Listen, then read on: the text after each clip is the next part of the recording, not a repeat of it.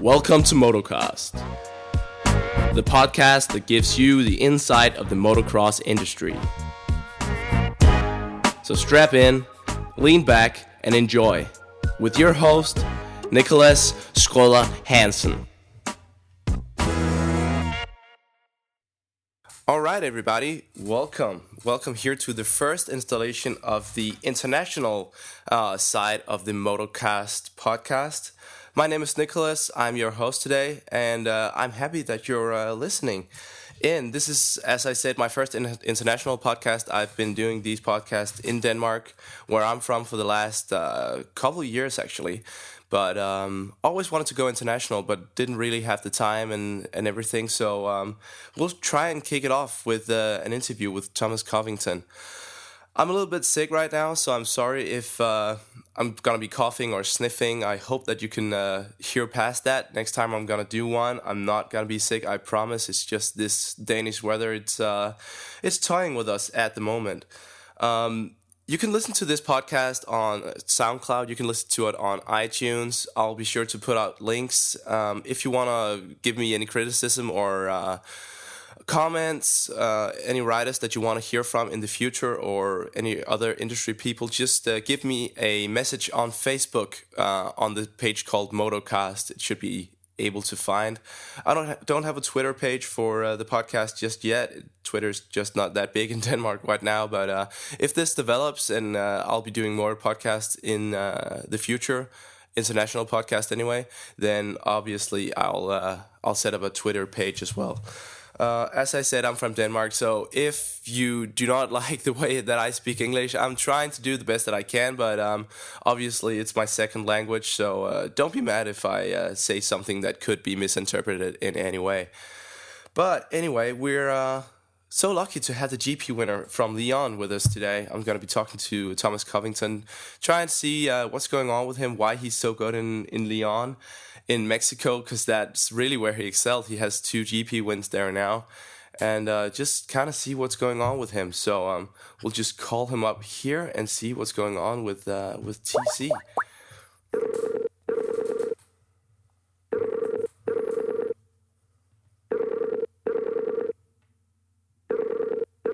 If he answers me, that's it.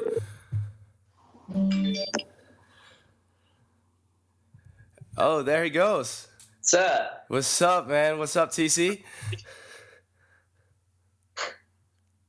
Oh, we have video on and everything. That's so cool. Hey, wait. There we go. Oh, there you are. What's up? What's up, man? How's it going? Good. How are you? I'm good. I'm well. I'm sick right now. I just told the listeners that I'm sick. So, um, but I'm trying to get through it anyway. so, hey, I wrote you on Facebook uh, a couple of days ago, actually, and did not get a reply. So I'm like, is this guy cool guying me right now? I don't know. I have to check that. I'm like, dude, he's so much cool guying me right now. And then I wrote you on uh, on Instagram, and you were like, answered me right away. yeah, I never, I never really go on Facebook. So, but I got like the, I had to get one of those fan page things for the team, and then I've got my personal account too. So, I don't know. It's confusing. so I'm like, yeah, you're down with the DMs, I guess. Yeah. All right. So you just um, well, you you got back from Mexico last week. Uh, got a GP win there, and um, I just wondered what's what's up with you and Mexico. I don't know. Yeah, everyone asks that after the race, but uh, I, I don't think it has anything to do with the track really, because uh, I mean the track there it's it's nothing special. It's uh, I mean it's pretty hard pack, and they super like overwatered it on Saturday, Mhm. so the lines got like pretty deep on Saturday, but it was just slippery, sliding everywhere, and then on Sunday it, dried dried out kind of hard, so yeah, it's kind of crappy, but um. No, I think probably the reason I do so well there is uh, I normally get to go home for a couple weeks before I go to Mexico. So Right. it just, I don't know, it just puts me in a good place mentally. Uh, you know, going to hang out with my family and friends and riding up my local tracks and just, uh, I just always feel good coming into that. one. Yeah, because I was thinking, I was talking to some of my friends. We were like, "Is it the tacos or like tequilas or what? What is it? That's like speaking Spanish." no, well, I, I, love Mexican food, but uh, but yeah, I don't think that has anything to do with it. we actually had a had a question from uh, from a guy on Vital. He calls himself Yep. Um, he's, he was like, "So do you prefer fish tacos or carne? What's what is that? Carne asada tacos." Uh, carne asada for sure. so did you get what? Did you get some in Mexico this time? Nah, I when I'm in Mexico, I'm kind of I'm always a little bit nervous. Uh, I just stick to like pasta and like like I don't eat anything crazy while I'm down there. At least before the race, but uh, in Southern California, where I'm from, we get so much Mexican food there, and me and my friends are always grilling some carne asada and making tacos. So I had it a few times while I was home. oh, that sounds sweet. I miss I miss Chipotle from when I was in America as well. Yeah, yeah, they need Chipotle in Europe bad. yeah, they have one in London actually. So I actually flew over there once, uh, and the first thing I did was going to Chipotle. Oh yeah, I've stopped about that one a few times. All right. So yeah, you said just you got to, to, go home to America. I know that's something that you really wanted because you don't really get to go home that much. Like, do you? It it it does put you in a good place, I guess. But how, talk about how hard it is to, to just get to go home few like a few times a year. Yeah, yeah, that's the only thing that sucks about racing GPs. Uh, like I, I wish I could go home uh, after every weekend. You know that would be sick because I, I, love the racing and the GPs, but the only uh, the only tough part is the being away from home for six, seven months of the year. Right. Um, but yeah, it's it's always good when I can go home and uh, you know see everybody. So how did how do you keep in contact? Because with the time differences, everything, so you kind of know that when it's when it's late in the evening here, maybe you can get a, a phone call back to home to your parents or your girlfriend or whatever. Yeah, I mean, uh, yeah, I, I got the time difference dialed in for sure. But even even though, like, I try to stay in contact with my friends as much as I can, but when you're gone for you know seven months, it's kind of like yeah, you don't talk so much after a while. So yeah. it it kind of sucks, but just try to get back with them whenever I'm home. Yeah, because I guess you I guess you got friends here as well. Obviously, you got some Americans racing the GPs as well, and I guess you could form some good friendship with uh, European guys as well. Yeah, for sure. There's there's a couple kids around Lommel I hang out with, and then of course all the guys on the team, the mechanics and TKO, Rasmus, and uh, yeah, and also the other American, Darian Sanayei, that's racing this year. He stays in England most of the time, but uh, whenever he comes over to Belgium, I think he's gonna uh, stay with me here in my apartment, and so hopefully he'll get to spend some time here. All right. So um, when you were home in um, in America, I guess you got to ride a little. Yep. So did you do you get bikes from the American team? Yeah, when I go back, the the American Husky guys really take care of me. Uh, they help me out a lot. This time, actually, um, I only mentioned it to him once that I was coming home. I, I sort of forgot to organize everything, and so I just I kind of showed up there at the shop, and the uh, the team manager wasn't there. It was just just one of the mechanics, and I was like, yeah, like I was supposed to have a bike here, blah blah blah. And he's like, dude, I have no idea. No one told me anything about you coming. And so I was just I was a little bit worried I was going to be stuck at home for two weeks without a bike, but uh, we ended up sorting out a, a 450 actually, and uh, yeah, I trained on a 450 for the two weeks before Mexico. All right. So, but yeah. a, a, factory one? Yeah, it was. Uh, I think it was one of Purcell or Osborne's practice bikes. Oh, that's pretty sick. How was it? Yeah. Oh, it was sick. I loved it. Like, uh, I did some motos with it Febvre and Bobryshev were, were also out in California, so I did some motos with them. Yeah, it was fun. I think uh, I'm going to try to get a 450 over here to practice on a little bit. Yeah, you have to talk to, to Jacky about that, see if he can get you on. Yeah, I know. I don't think he's too pumped on that, but we'll see. All right, going back to Mexico, um, did you just kind of get it right away when you got when you got there? You said you have you have this nice feeling. I guess your parents were down there as well. So was yeah. it just like coming in? Feeling great right away, or? Yeah, um, I don't remember what time I had in free practice, but uh, you were sixth. Yeah. Okay. So yeah, I, thought, I mean, that's about where I normally am in time practice. Uh, it's nothing out of the ordinary. But then, uh, and then even in time practice, I didn't feel that great. Like, I mean, I felt good on the bike, but nothing out of the ordinary. Like, uh, I actually followed um, the other Thomas around in time practice for two laps uh, to get my fast time. Mm-hmm. So it helped me to sort of see which lines he was taking and see the speed. But um, then in the qualifying race is where it kind of clicked for me. I just, uh, yeah, I pulled the whole shot, and then I don't know. It's I just got in a rhythm. It was like it was easy actually.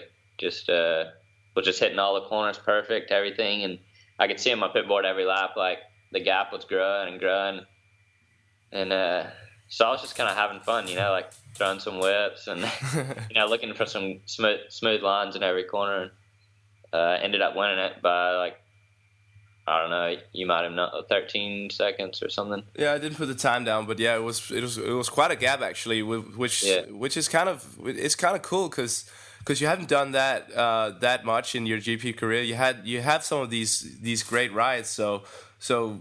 Do you get nervous at all in the qualifying race when you're just leading? And obviously, it's nice to see when it's growing, but at, did you have any thought of okay, these guys are gonna turn it up at any point, or were you just kind of feeling like okay, I'm gone and no one can touch me? Yeah, at the beginning, like the first five laps, I was really just I was kind of nervous, like pushing as hard as I could, and uh, but then once my mechanic started showing me the gap, and it was like, and I backed it down a little bit, just like cruising, and uh, it stayed the same. So at that point, I was pretty relaxed. Sweet. And, uh, figured they weren't they weren't gonna catch me. and then then it was just kind of like going from there because so, you were, you were fastest in warm up as well the next day. So I guess I guess you were just feeling it then. then yeah, warm up the next morning I was just yeah I was just feeling good actually. uh, the track the track was a lot better on Sunday, so and they like prepped all the jumps up a little bit better, and the track was a lot a lot more fun on Sunday. So I was feeling good, and then um, first moto, I I came into the to the first turn. I was up towards the front somewhere, but I just I held it on a little bit too long, and nearly went off the track, and like sort of slid into a hay bale there in the first turn. oh shit! And uh, so lost a few positions, and then I never really found a real good rhythm in that race. Mm-hmm. And um, yeah, still managed to get fourth. So I was just thinking after that, I was like, uh, like I could still get a podium out of this. Uh, um, yeah, that was pretty much my thinking going into the second moto, just going for a podium. And um, but then pulled the whole shot again in the second moto, and Jonass got around me in the second corner because again I held it on a little bit too far into the first turn, and then he got me in the second one. Right.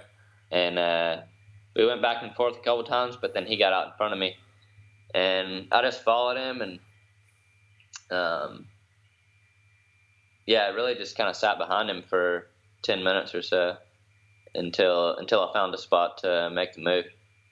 So it was uh, it was pretty much yeah, it was a perfect race for me. Um, probably probably one of the best motos of my career, um, just because it, there's like um, yeah, I, I, sort of had to work for it. Like it wasn't mm-hmm. nobody crashed or like bike blew up or something like that. It was just a it's just a straight up win. Yeah, so I was pumped on that. Yeah, which which is cool, and and I kind of I kind of thought you looked different as well because obviously I was uh, I was down with you guys in Spain and watched you practice for uh, for a while in the off season, and you always look like you have a lot of body, body language on the bike. Like you work really hard on the bike. It, it looks like you're using a lot of energy, but you really looked so relaxed in this one compared to what I've seen you some other times. So, did you just have this kind of relaxed feel that you don't really had to push it that hard? Because sometimes it really looks like you're pushing, pushing, pushing. Yeah, I mean, normally when I'm riding good, it looks it looks easy, you know. Mm-hmm. Uh, I think when you were down there. Thomas was always just a tad bit faster than me, so I was like, "Come on, like I gotta get squeeze a few more seconds out." But uh, no, normally I'm a pretty like relaxed rider. Um, kind of like elbows down, which doesn't look that great, but kind of my style. Right. So, yeah, you talked about um, you talked about Thomas a little bit, um, and he uh, talk about how it is to get have a rider, a new rider coming in, and this then he's just like right up there because obviously you were like, okay, so I'm I'm the guy. I'm gonna be the guy this year. I'm gonna challenge for the title, and yeah. obviously it's always good to have ri- guys to to practice with us just as fast, but. But yeah, you were you're really pushing when you're when you're practicing with him because he's just right up there, right? Yeah, yeah, for sure. It's, it's good to have a, a teammate like that who kind of makes you keeps you on your toes, you know. Um, but yeah, Thomas is impressive. He's been impressive this season so far. He's uh, he's just solid. He's up he's up towards the front every every race. So he never really has. And I've only like out of the I don't know how many months we've been riding together. I've only seen him off like one time. Wow. Uh, at the practice track down in Spain one day. But like, other than that, he's just always on point, which is impressive. Like, most guys have good days and bad days, and he's just like consistently good all the time. Yeah, that, that's pretty good. So, um, I guess I guess like winning and everything, it uh, it kind of was good that you didn't crash with him again this this weekend, huh? Yeah, that's good. We ne- we never saw each other in the race. So that was a good thing. Yeah, because uh, you might have had to take him out out again if he wanted to beat you, huh? Yeah, for sure. talk about talk about that in Argentina a little bit, just uh, just quickly, because we were like, no way, that just not just happened. So talk about that when you crashed with uh, with your teammate. Yeah, I mean, uh, the weekend in Argentina wasn't wasn't so great for me. Like first moto uh, I got a bad start and um, ended up coming up to eighth, but I was just a little bit like a little bit pissed about it. Mm-hmm. And then um, then in the second moto, I got a good start, and uh, I was just making a, a, few mistakes there in the first few laps, and guys were passing me, and then. Uh, and then Thomas passed me, and I was like, "Oh no way! Like I can't just let these guys pass me because uh, you know, the team's always telling me, "Oh, you're too uh, you're too nice on the first few laps. You're too nice." Right. So I'm like, I got to do something. Like I got to go.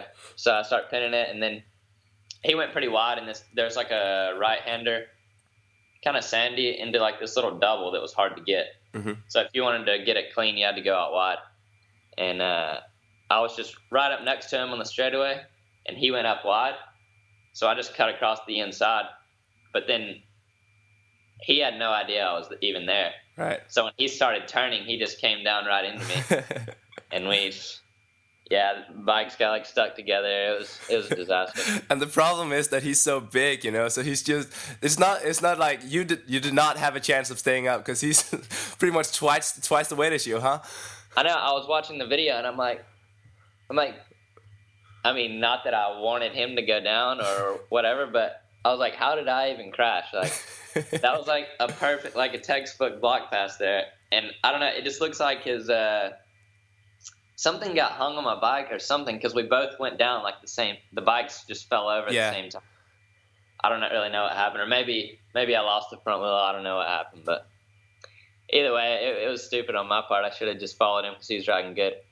Uh, I think we could have both been in the top three there in that moto. So yeah, yeah. I just I went up to him like straight after the race. I was like, dude, I'm sorry. Like that was really stupid. Like this, it won't happen again. I'm just, yeah, it was a stupid move. Right. And yeah. He was, he was cool with it. He's he's like, yeah, it's just racing, I guess. So yeah, I mean, I think we both know we're not going to clean each other out on purpose. Like we don't have any bad bad beef, you know. It's yeah, just, exactly. Uh, it happens sometimes racing. I, I saw him um, I saw, at the Motocross of Nations this year. This Chinese guy, oh, not Chinese, uh, Japanese guy. He's obviously not big because they're not that big from there. but he um, he kind of tried to go in and muscle his way past TKO, and this guy just blew himself out, and Thomas did not even move. It looked so funny. yeah, and, yeah, his size definitely helps him in that that part. right.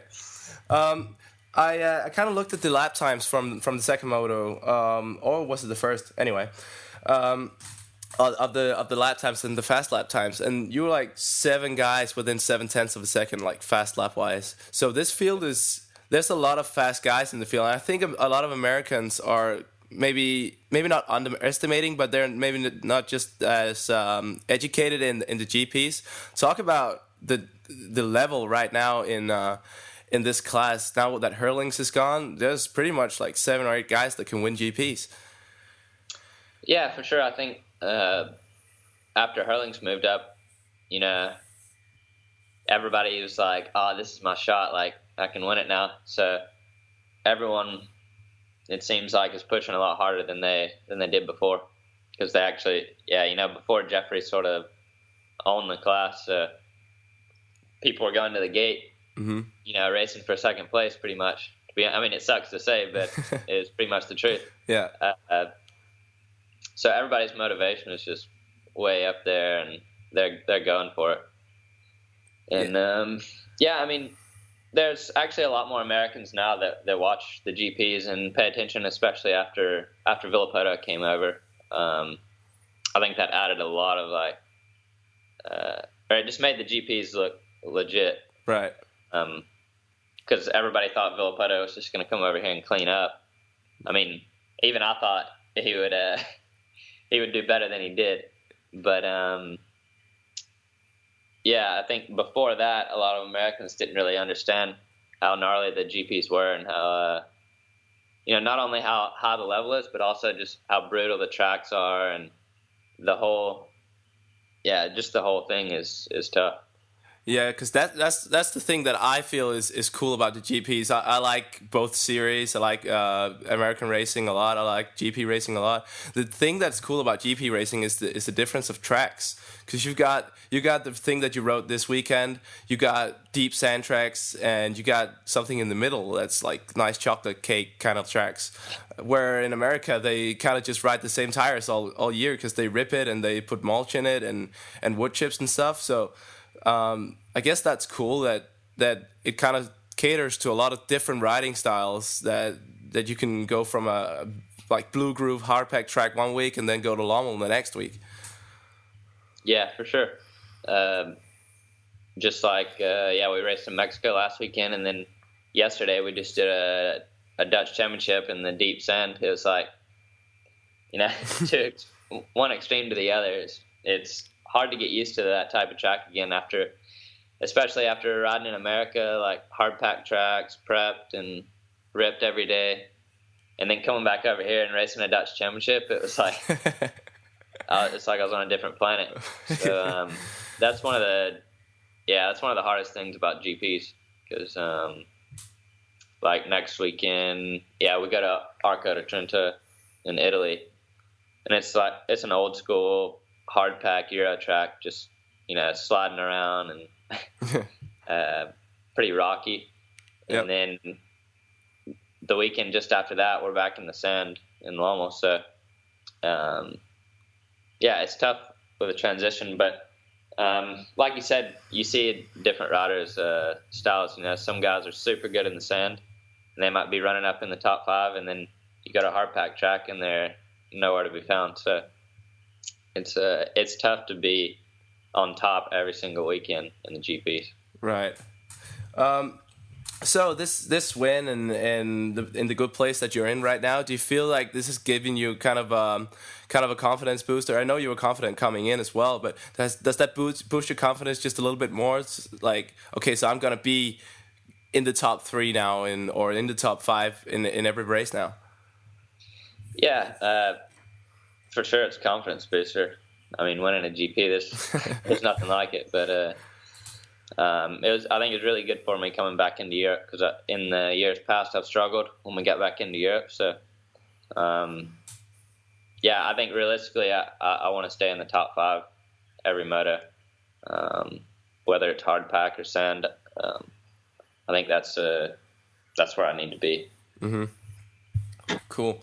Um, let's go back and talk talk about the team a little bit. Um, obviously, you you're riding for the Jacky Martens team. You you came there last year um, and seemed like a, a good transition for you. Seems like you're happy. Um, just talk about the team and the bike and everything. How is uh, how's that working out for you? Yeah, the the team's been awesome ever since I came over. They're they're like a second family to me. Um, Jacky and his family and uh, all the mechanics, team manager, uh, they do, you know, whatever it takes to uh, help me to feel the best on the weekends. So, yeah, I'm I'm really happy to be with them, and uh, I think it took me a little longer than I than I thought it would to get used to the Husky, because mm-hmm. the I mean, as soon as you jump on the bike, it it feels great because the power's so good. The uh, yeah, it's just compared to the Kawasaki, is really powerful, and the and it's really nice power too. It's not like out of control or anything that you can't handle, and uh, but just the difference with the with suspension and the different um, chassis and everything. It took me a while to get used to it, but um, overall, I think it's you know I think it's the best bike out there, and uh, that's the reason that I went to Husky actually is because I asked myself after my last season with Kawi like if there was one like if there's one team that I could ride for, who would it be? And uh, and it was Husky. So uh, that's when I, I actually called. I just called them up like out of the blue, pretty much, and asked them if they'd they'd have a spot for me, and uh, it ended up working out. So uh, yeah, I'm really stoked to be with Husky. Sweet. Um, and uh, and moving on from the team, then uh, talking about your program a little bit. Uh, what's what's the deal? Because I know I know the, that there's a team trainer, uh, Rasmus Jorgensen, and then you've been working with Joel Roelants as well. Um, talk about the your training program. Who's like physical trainer, riding coach? Uh, is it kind of a mesh, or what's uh, what's going on there? Yeah, I mean, uh, for the most part, uh, Joel Roelants is is my main guy. He he sort of controls my whole program, but um, I also listen to Rasmus, whatever he's got to say. I, I mean, uh, yeah, anything he tells me, I, I, respect his opinion on anything. And then uh, also one guy back in America, um, Ben Bostrom, is helping me a little bit with just nutrition on that side. So it's it's kind of a mix of everyone. I just kind of uh, take what I think works best for me from from all the guys, and um, but day to day, it's it's usually with Roland. All right, he's comedy as well, huh? Yeah, for sure. He's he's just a really good guy. Like with the circumstances he's been given, like yeah, he's he's got a really strong mind. Uh, so I have a lot of respect for him. Exactly. That that's that tells a lot about a guy. You know, a guy who can be in the circumstances that that he's in, going from a professional rider to to being paralyzed now, and he he just kind of he's an inspiration just for me when I when I was hanging out with him as well. Just it's it's crazy that you can be so positive. It puts puts thing in perspective a little bit. He's just li- loving life, huh? Yeah, yeah, for sure. cool. Um, got some questions from you. Um, I posted this uh, places all around and got some uh, some questions on Vital for you. Um, there's this guy Jonathan. He asked you, "Why are you such a huge a huge Auburn Tiger football fan?"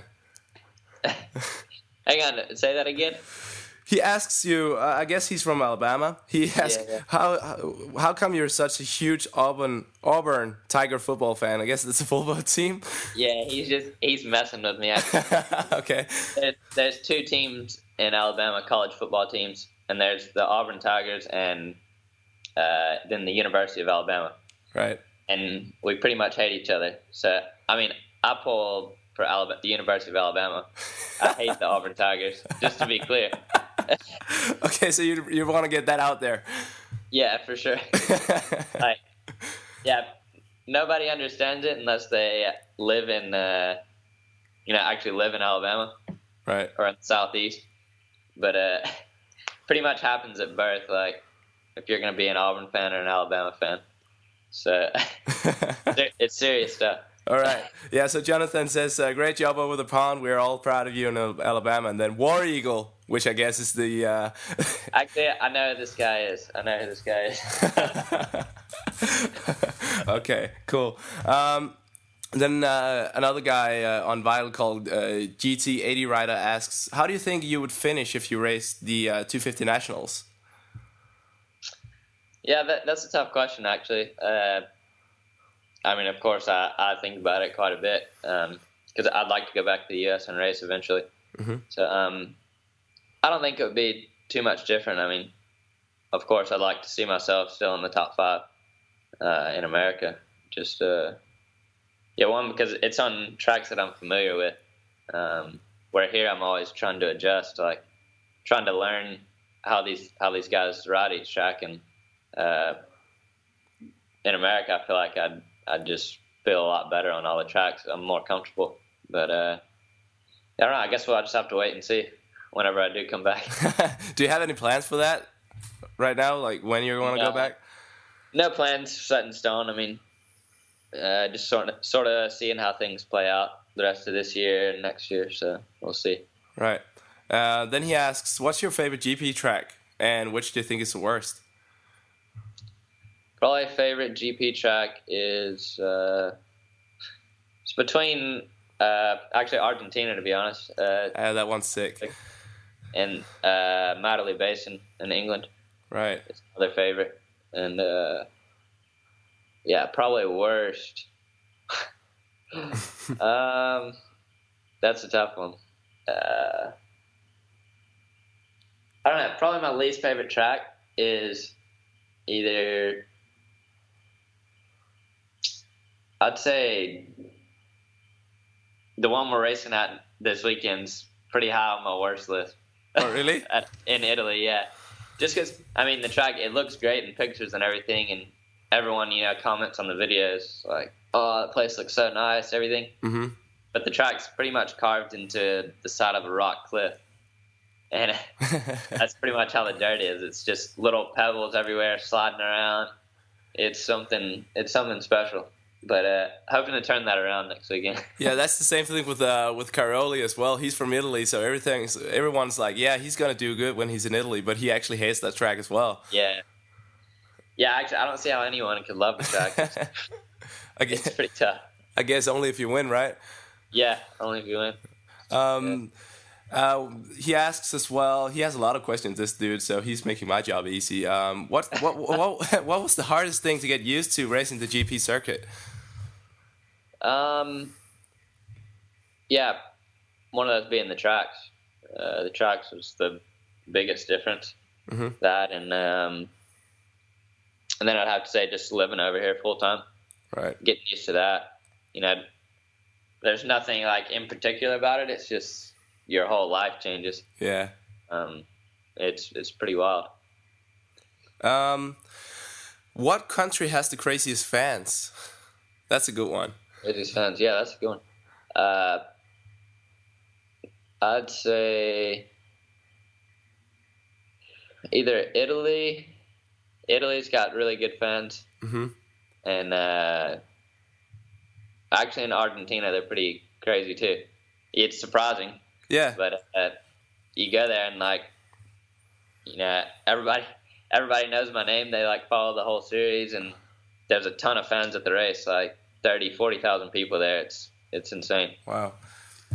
Um, and that kind of goes to the to the next thing and i guess there's a lot there's a lot of ones uh, also i've i've seen some crazy stuff but what's the strangest thing you've seen while on the track racing a gp or maybe not on the track but just being at a gp what's the strangest thing you've seen and i've seen a lot yeah i mean i haven't ventured out into the crowd too much but so i'm sure you've seen more than me probably but, yeah. Uh, I always like to see the the Irish dudes. Oh uh, yeah, they're pretty cool. Painted up and everything. Uh, uh, they're pretty crazy, and like the the Belgium drinking team. Yeah, that one. They're pretty crazy, and uh, but no, sometimes like in Switzerland last year, uh, these people have these smoke bombs. Mm-hmm. You know, uh, whatever country you're in, like Switzerland. I don't know what what colors the flag? red, red, and white, dude. What is it? Just red and white. Yeah, red and white. I was thinking red, white, and blue, but I'm, I did not want to get it wrong. anyway, I come around on the sighting lap, and I can barely even see the track because there's so much smoke going across the track. yeah, like, I hope this clears before the first lap. but, uh, yeah, it gets crazy out there. I've seen some some crazy stuff, but especially when when the racing's kind of done, and uh, if yeah. you venture out to the camping areas and stuff at, at some of the, like the big European GPs, I've seen yeah. some like at the at the at the nations in France last year, oh, two years ago. I saw a car cut over in half and there was only like the front, the engine part left, and the guy was standing on there drinking a beer bong and um, revving revving the car with his hand, like in the down in the engine, found the rev kind of thing in the engine. Yeah, and he was just revving it, and then some guys came and put the car on fire, so it kind of blew up. yeah, that's insane. That's that's the kind of stuff. I think at des Nations, everything's like just multiplied by ten yeah, yeah. If if especially in the camping area. That's that's if you really want to experience the crazy GP stuff. If you're American, then you have to go to an a European uh, like this nations. It's insane. Yeah, like, for sure. They in in Torch. I think it was Teutschenthal. No, maybe actually it was the same same year in in France as well. They the police came and cleared everything out, like with tear gas bombs and yeah. Last year in uh, in Italy, they um, they put up this huge campfire and started like running mopeds into it and those this disposable toilets. Just everything threw on that fire and and police came and, and shot those uh, those tear grenade bombs. So holy shit. If yeah. you really want to go to a gp uh, go to des Nations if you're from america you have to uh, that's that's a bucket list, bucket, bucket list thing that's for yeah, sure. Yeah, for sure. Yeah, I think even at the GP at Teutschenthal, it gets pretty pretty wild. yeah, yeah, it does. Yeah, um, the Germans go pretty hard. They do. um, and the last thing he asks you, uh, kind of rhetorical question, but I guess I'll ask, ask it anyway. Uh, when are you bringing a GP championship title back to America? I don't know. I'm trying Such a now. douche, I mean, douchebag, think... douchebag question, huh? Yeah. I mean, yeah, that's ultimately my goal. I, would like to win a championship before I go back to America, mm-hmm. however long that takes. Uh, and you know, I don't think it's complete. I mean, we're still early in this season, so uh, nothing's out of the question for this year. Um, I mean, I'm just gonna, you know, I'm just gonna work as hard as I can and do the best that I can. And if that's the world championship, great. If not, mm-hmm. Oh well. All right. Um, so uh, K Cow K Cowboy is his name. Fourteen on Vital asks, "How in the world did you end up not having a monster ride?" Yeah, I get that question quite a bit actually, because um, I was uh, I've ridden for Monster my whole life. Even even before my dad worked at Monster, I was uh, you know I was on Monster Energy Team Green. So. Mm-hmm. Um, yeah, it was it was a pretty big difference for me to go to Rockstar now. But um, I think uh, you know I could I could have stayed with the team I was with before with CLS, mm-hmm. but um, a lot of people, especially back in the states, were thinking you know I only had what I had because of my dad's position and that sort of thing. So mm-hmm. uh, when the opportunity came up to go to Husky uh, with Rockstar, it was like uh, it was a good opportunity for me to just separate myself from my dad. Right. And, uh, yeah, that's what I was thinking as well. Like, you want to be your own person and, and show that yeah. you're not just uh, nurtured into it, but you actually ac- accomplished this yourself, right? Yeah, exactly. And that, that was the main uh, main reason I left Monster. And, you, you, know, also for the good bike with Husky. Mm-hmm. Uh, you know, and I've enjoyed being being with Rockstar, getting to know those guys. They're a really cool brand as well. Right. So do you do you do you like wear rockstar hats and drink rockstars when when you're at your parents' house, just to like kind of rub it in your face, uh, in your dad's face? Uh, I don't know. It's it's pretty. Uh, I mean, my dad doesn't care really. I mean, but uh, whenever I go out to dinner with him and the guys he works with or whatever, I try not to wear all my all my team clothing, stuff like that. But uh, yeah, when it when it's necessary, uh, I put on all the rock star stuff. Throw in a little jabs here and there. yeah, yeah, yeah. That's a good thing. Uh, second question from this guy. I think you, you touched on a little bit before, but just to break it down, how how does uh, the Husqvarna bike uh, compare to the Kawi? Yeah, uh, kind of like what I said before. The the engine on the Husky is unbelievable. Um, it's just, yeah, for me, it, it always runs super clean, like no bogging, anything, and the power's just really smooth. Um, couldn't ask for anything more really with the engine.